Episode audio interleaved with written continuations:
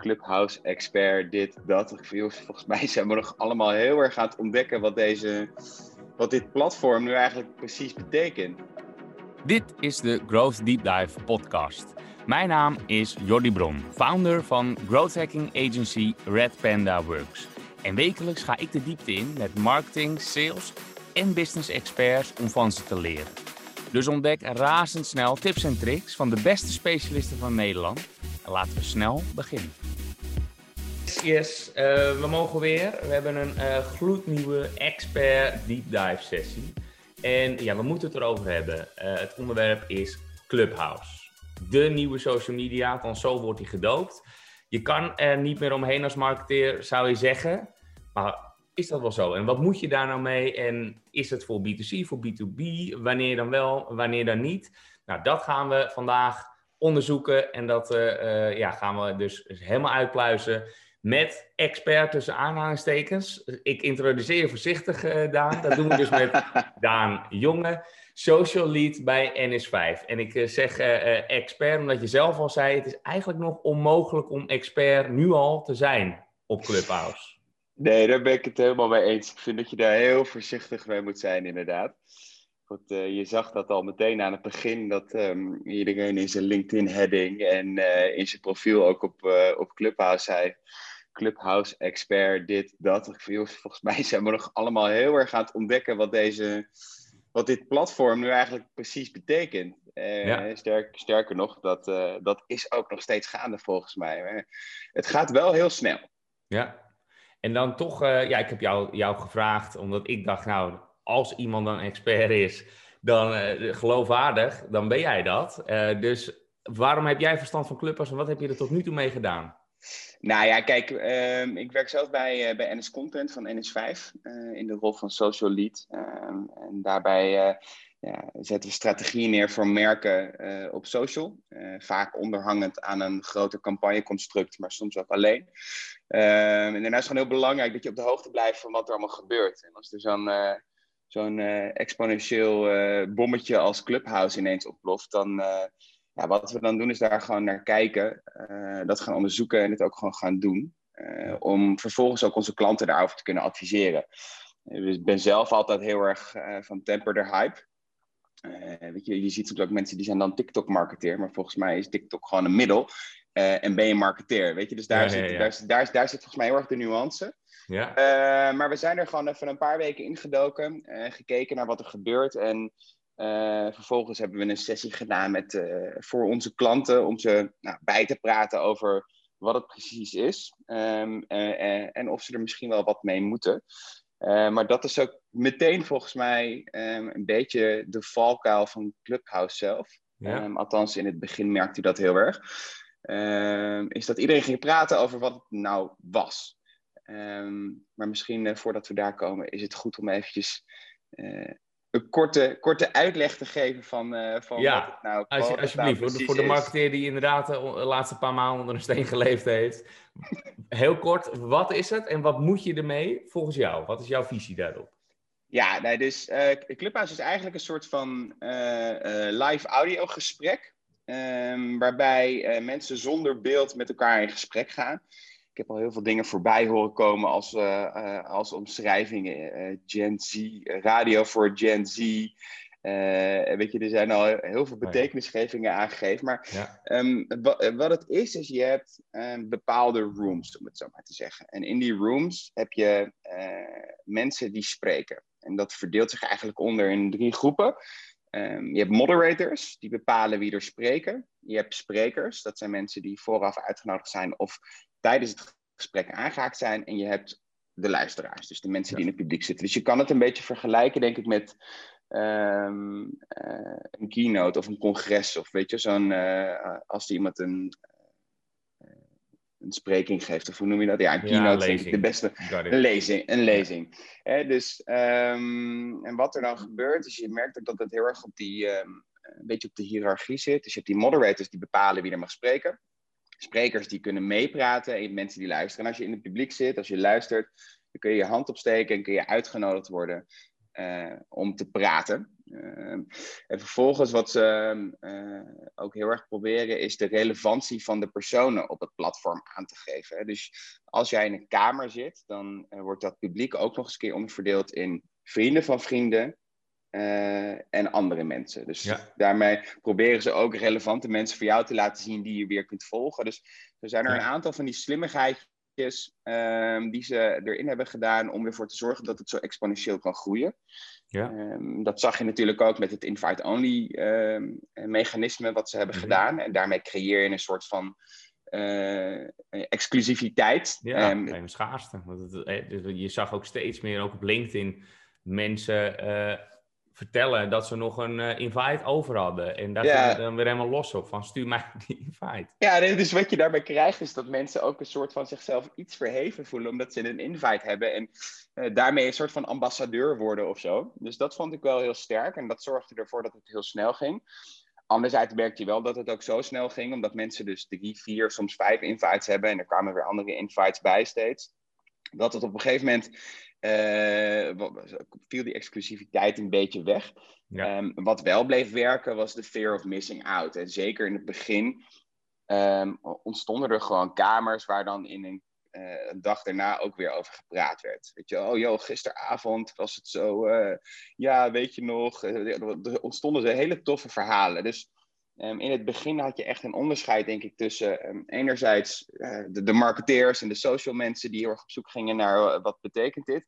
En anderzijds uh, kamers met mensen die lekker op vrijdagavond een borreltje aan het drinken waren. Dus ja. business-wise interessant, maar het loste ook een sociaal probleem op. Dus ik denk dat het daardoor aan twee kanten zo hard is gegaan, zeg maar. Ja, ja ik, het ging zeker hard, want ik las een artikel en daarin gingen ze een beetje reverse engineeren hoe dit nou zo hard gegaan is.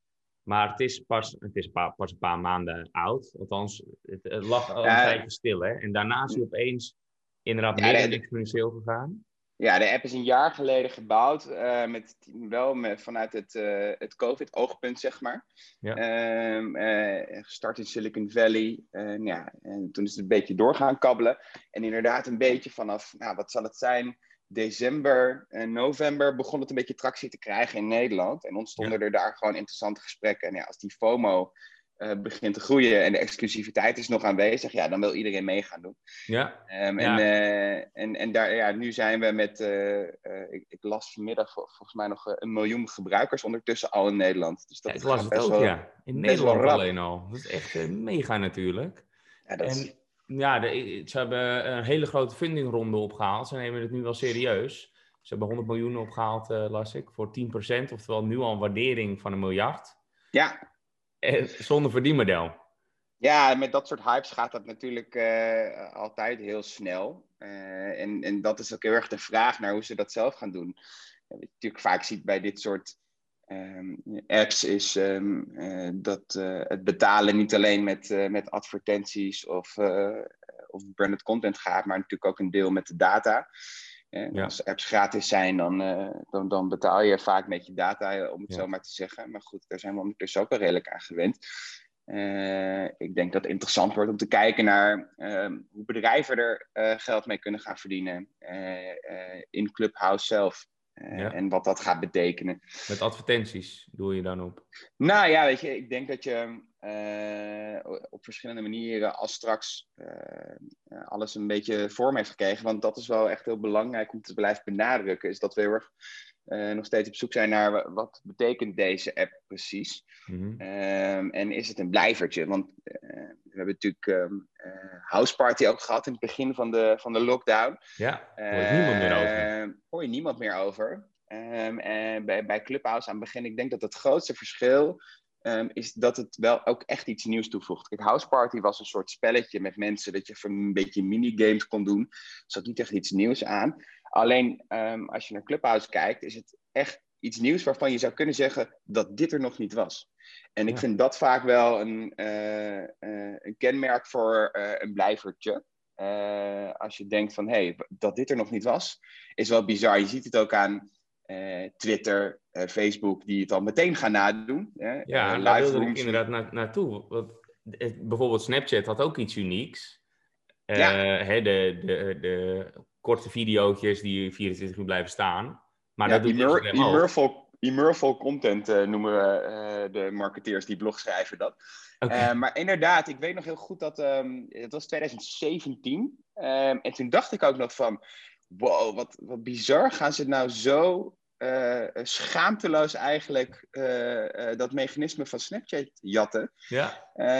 en toen dacht ik van, ja, dat, dat mensen daar niet over vallen. Maar goed, ondertussen is Instagram Stories niet meer weg te denken.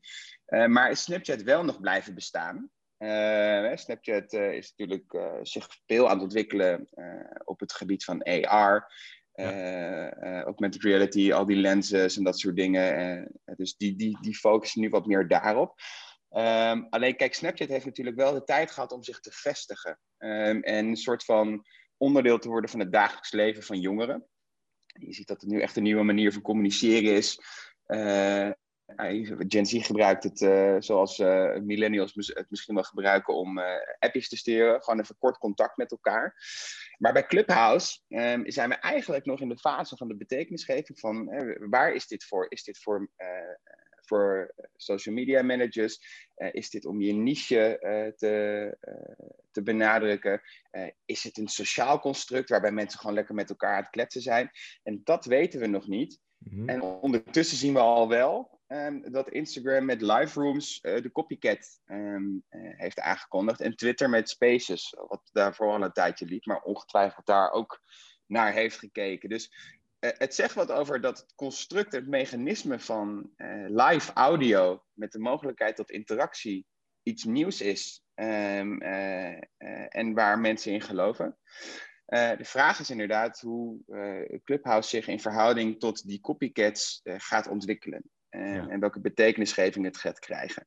Ja, ja dat, dat vraag ik me inderdaad af en heel veel natuurlijk. De, ja, de, wat je zegt, is, het is aannemelijk dat er wel behoorlijke concurrentie komt, als dat er niet al is. En of ze dan inderdaad, uh, net als uh, Snap, een beetje weggedrukt worden en geforceerd dus een andere richting op moeten. En zoals je zegt, in AR of nou, in Clubhouse lijkt, lijkt me dat lastig, maar ze zullen misschien een niche-kant op gaan. Zie je dat ook zo? Is dat aannemelijk? Of zeg je van nee, die, die, dat is een blijver? Ja, ik, ben, ja het, is, ja, ik vind het lastig om nu nog te zeggen. Uh, je merkt in het begin ook, um, uh, een vriend van mij bijvoorbeeld, die gebruikte het enerzijds voor vrijdagavond om lekker een biertje te drinken met mensen en anderzijds voor, uh, voor zijn werk. zelfstandig.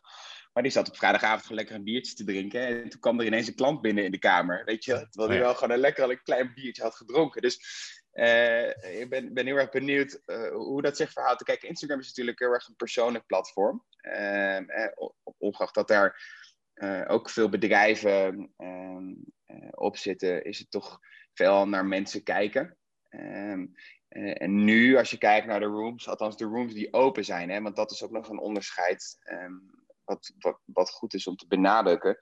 Op Clubhouse heb je open rooms en gesloten rooms. En van die gesloten rooms kun je natuurlijk niet altijd zien wat er gebeurt. Hè? Dus het is voor ons ook lastig om in te schatten nu van welke bedrijven zijn er allemaal bezig in gesloten rooms um, en welke in open.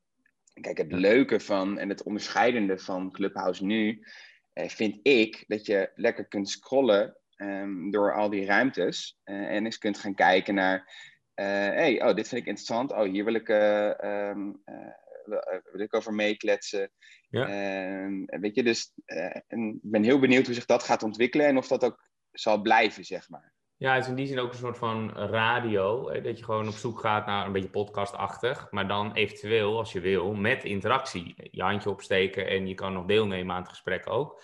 Zonder dat je helemaal uh, je haar in een krul uh, hoeft te doen, omdat je er super goed uit moet zien. En je kan nee. er gewoon vanaf uh, je, je je bank uh, inderdaad in je pyjama met een biertje in de hand, kan je dat gewoon, uh, gewoon doen. Dus in die zin is het laagdrempeliger. Ja, het is heel laagdrempelig en uh, de, de, de mate van interactie is ook heel laagdrempelig. Ik denk, um, als je hem zou moeten omschrijven in de context van bestaande platformen, dan zou ik YouTube voor radio een hele goede vinden. Ja, omdat het natuurlijk, ja, YouTube voor radio. Het is natuurlijk is een soort van live podcast waarbij iedereen alles kan maken, zeg maar. En bij podcast heb je natuurlijk nog, je kan het zelf maken, maar um, om, het, om de massa te bereiken moet je uh, ge, ge, geaccordeerd worden uh, en dat soort dingen. En hier kan iedereen gewoon met één druk op de knop, bam, ik ben live. En uh, ik denk dat dat het leuke en het onderscheidende ervan is. Ja. Ehm, Wat ik nog even bij wil, wil, wil voorleggen is het, ehm, het, het feit dat het allemaal live is en dat je het niet kan opnemen, dat er dus ook geen curated content is. Het is allemaal ad hoc.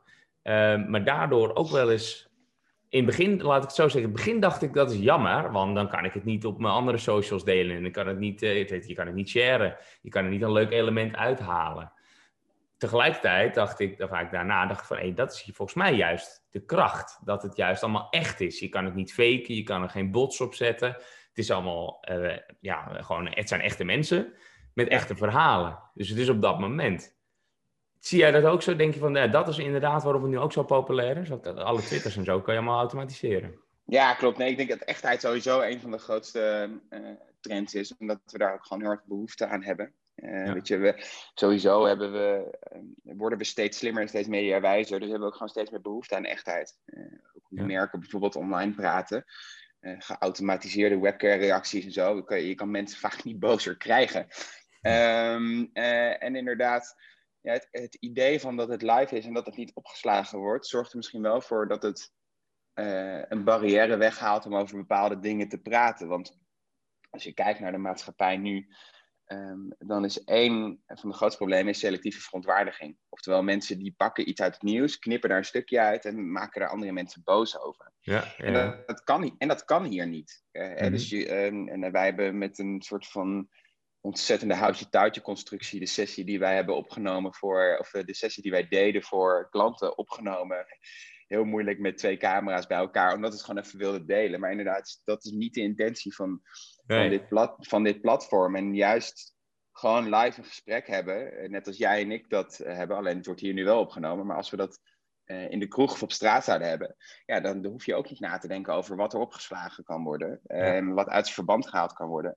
En dat zorgt wel, zeker in die wat meer socialere ruimtes, voor leukere gesprekken, denk ik. Ja, ja, wat je zegt, dat opnemen van Clubhouse. Het schijnt overigens dat als je met je telefoon doet, dat ze daar streng op zijn. Dat ze dat ja, je kan, je, als je het probeert, als je probeert te screencappen, dus als je, uh, ja, het is nog alleen voor iPhone ook natuurlijk, ze zijn bezig met een, uh, met een Android-versie. Maar als je hem uh, screencapt, dan blokkeert hij de audio. Uh, Dus je kan alles opnemen, maar je hoort niks en daar gaat het om. Dus daar hebben ze goed over nagedacht. Ja, ja. Nou, wat ik dan wel eens zie bij bijvoorbeeld Elko de Boer, die neemt dus met zijn tweede telefoon, neemt hij het op. Dus die heeft hij dan in de hand en dan praat hij dus met telefoon 1 op Clubhouse. Ja, en dat is natuurlijk wel een workaround, creatief, maar ook niet de bedoeling. En dat zet hij dan weer op Instagram. Ja, precies. Nee, goed, er zijn natuurlijk vanaf het begin zijn er een ehm, uh, een paar mensen die als een soort van onkruid over dat hele platform liepen, om het zo maar te zeggen. En er ontstond ook wel echt een soort van uh, hype omheen, maar niet in de goede zin van het woord. Weet je, je kon geen room openen of Ilko de Boer kwam maar weer een e-book verkopen. Ja, ja, dus ik, heb Nu, ik heb ook nu voor de grap in mijn bio op Clubhouse gezet, uh, e-books strategy voor Ilko Bas. Uh, Bas is dan Bas Smit. Ja. Maar wat was al hilarisch en dat, dat maakt het leuk, denk ik. Um, voor de massa en niet alleen voor de niches. is dat je uh, uh, ook gewoon een beetje kan, gewoon dom kan lullen. En dat zie je ook wel. Er worden heel veel rooms aangemaakt met ochtendpraten, avondkletsen, dom gelul, wandelklets. Allemaal dat soort formatjes. Mm -hmm. um, dat was heel grappig. Ik zat één keer op vrijdagavond, uh, werd ik in een room getrokken. En dan zag ik 50 mensen met de profielfoto van Bas Smit. En de room heette Speed Daten met Bas Smit. En je mocht alleen spreken als je je profielfoto naar Bas Smit veranderde. Jeetje. En alle vrouwen veranderden hun profielfoto naar Nicolette. En, en, en toen zaten daar met een mannetje of 50. Uh, en toen kwam Bas Smit ook zelf die kamer in en die schrok zich helemaal kapot. ja, weet je, dat was hilarisch. En dat maakt het soort van, wow, er gebeurt iets. En dat geeft een gevoel aan een platform. Ja. Uh, maar kijk, het, mensen zijn nu heel erg aan het ontdekken. Uh, in het begin zag je inderdaad heel erg de social marketeers, um, de entrepreneurs, de mensen die altijd heel snel naar dat soort dingen gaan, de community leaders en, en dat soort dingen. Maar je ziet ook nu wel wat meer um, andere businesses. Ik zag een, een, een, room met makelaars waar die met elkaar in gesprek gingen. Dus um, het kennisdelen um, is denk ik wel een hele interessante. Want enerzijds kun je jezelf als merk of als bedrijf of als persoon goed profileren en uitleggen ehm, hoe je uh, over je business denkt ehm, of hoe je over, over, een nieuw product denkt. Um, en anderzijds kun je daardoor ook weer heel goed in gesprek gaan met of je potentiële nieuwe klanten en die uitleggen wat je business is. Of misschien wel um, uh, meer B2B, uh, gewoon gesprekken aangaan met, uh, met andere mensen die interessant zijn voor, voor je business. -hmm. Ja, en dan is het meer gesprekken aangaan, awareness, zorgen, een beetje personal branding. Nog niet zozeer lead generatie, vermoed ik. Nee, ja, die zit denk ik vooral in het stukje wat daarna komt. En wat je nu ziet is dat mensen met elkaar in contact komen. Dus het is eigenlijk een soort van uh, uh, grote digitale netwerkborrel soms. Zo worden veel van die rooms ook ingestoken. Um, en mensen gaan vervolgens op basis daarvan weer verder met elkaar in contact. Van hé, hey, wij, we hebben elkaar gesproken, we vonden elkaar interessant. Laten we connecten op LinkedIn en dat gesprek daar verder voeren. En dat, dat gebeurt wel steeds meer. Maar inderdaad, kijk, in zo'n room zelf is dat natuurlijk lastig. Uh, op dit moment kun je elkaar ook nog geen uh, direct messages sturen uh, mm-hmm. naar, de, naar elkaars profielen. Zou ik overigens wel een toevoeging vinden, want dan ga je het nog meer waarde geven. Ja. misschien, dat ze er misschien dat ze er al mee bezig zijn hoor. Ik, ik kan me niet voorstellen dat ze daar niet over nadenken. Nee, inderdaad. Dat lijkt me ook wel op zijn plek. Ik heb drie stellingen voor je. En daar mag je even op reageren met eens of oneens. Ben je er klaar voor? Zeker. Oké. Okay. Um, eerst is, Clubhouse, dat kent iedereen nog over tien jaar. Oeh. Oeh. Um... Oh, dat vind ik lastig. Uh, ik merk ja, het, dat, ja, dat duurt nou, lang. Maar, nou, dat, en, en, dat komt omdat ik, wat ik net zei. Hè? Dus kijk, Snapchat kennen we, kennen we wel over tien jaar, omdat het de kans heeft gekregen om uh, te bouwen en iets te worden. En is vervolgens als mechanisme gejat in stories en, en dat soort dingen. Uh, maar met de copycats die er nu aankomen van Instagram uh, en, en, Twitter, als, als Clubhouse niet een soort van USP weet te vinden, betwijfel ik dat. Ja, nou, ik bel je over tien jaar op. En dan, ja. dan, zeg ik, weet je nog wat je toen zei? En jouw ja. definitieve antwoord is? ja, precies. Ja, nee. Ja, nee, dus dat, dat is heel spannend. Dat is heel spannend. Ja, dat is zeker spannend. Maar dan toch wil ik even een eens of een oneens van je hebben. Clubhuis kent iedereen nog? Uh, ja, dan ga, ik, dan ga ik toch zeggen, niet iedereen. Nee. Nee, ik, nee, kijk, als je zegt iedereen, dan zit ja, kijk, marketeers en social uh, uh, mensen, die zullen nog wel weten waar het vandaan is gekomen, maar... Ja, ja, ja. Nee, kijk, kijk, dit wordt geen gradatie Facebook, denk jij. Dus die, dat kent iedereen. Eh, ik, denk, ik denk dat het kopiëren te snel gaat uh, voor ze om uh, tractie te krijgen. Maar goed, we, gaan, we gaan het zien. Ja, nou, dan is eigenlijk mijn tweede stelling al een beetje verpest hiermee. want die ging hierover. Facebook of Twitter gaat het winnen van Clubhouse? Uh, ja, winnen. Ja, ja ik, denk de, ik denk dat ze, omdat ze zo snel aan het kopiëren geslagen zijn, dat ze uh, en kijk, er zitten natuurlijk bij dat soort bedrijven zo ontzettend veel mensen die ook goed na kunnen denken over de betekenisgeving van zo'n app. Kijk, bij Snapchat was het zo, dat, dat, dat was al volledig in gebruik genomen. Maar nu hebben ze al een kopie bedacht en hebben ze waarschijnlijk ook al drie stappen verder nagedacht over eh, hoe het interessant kan zijn voor mensen, um, hoe het interessant kan zijn voor bedrijven. Want ja, Facebook en uh, Twitter, die willen natuurlijk ook, ook al allemaal geld mee verdienen. Ja. Uh, dus moeten ze het toegankelijker gaan maken voor bedrijven om daar ook uh, iets mee te kunnen. Dus ik ga er een beetje vanuit dat ze daar wel uh, in de specs uh, over na hebben gedacht. Ja. Maar daar hoor ik een beetje wel een eens. Die, die, ze zijn drie stappen verder.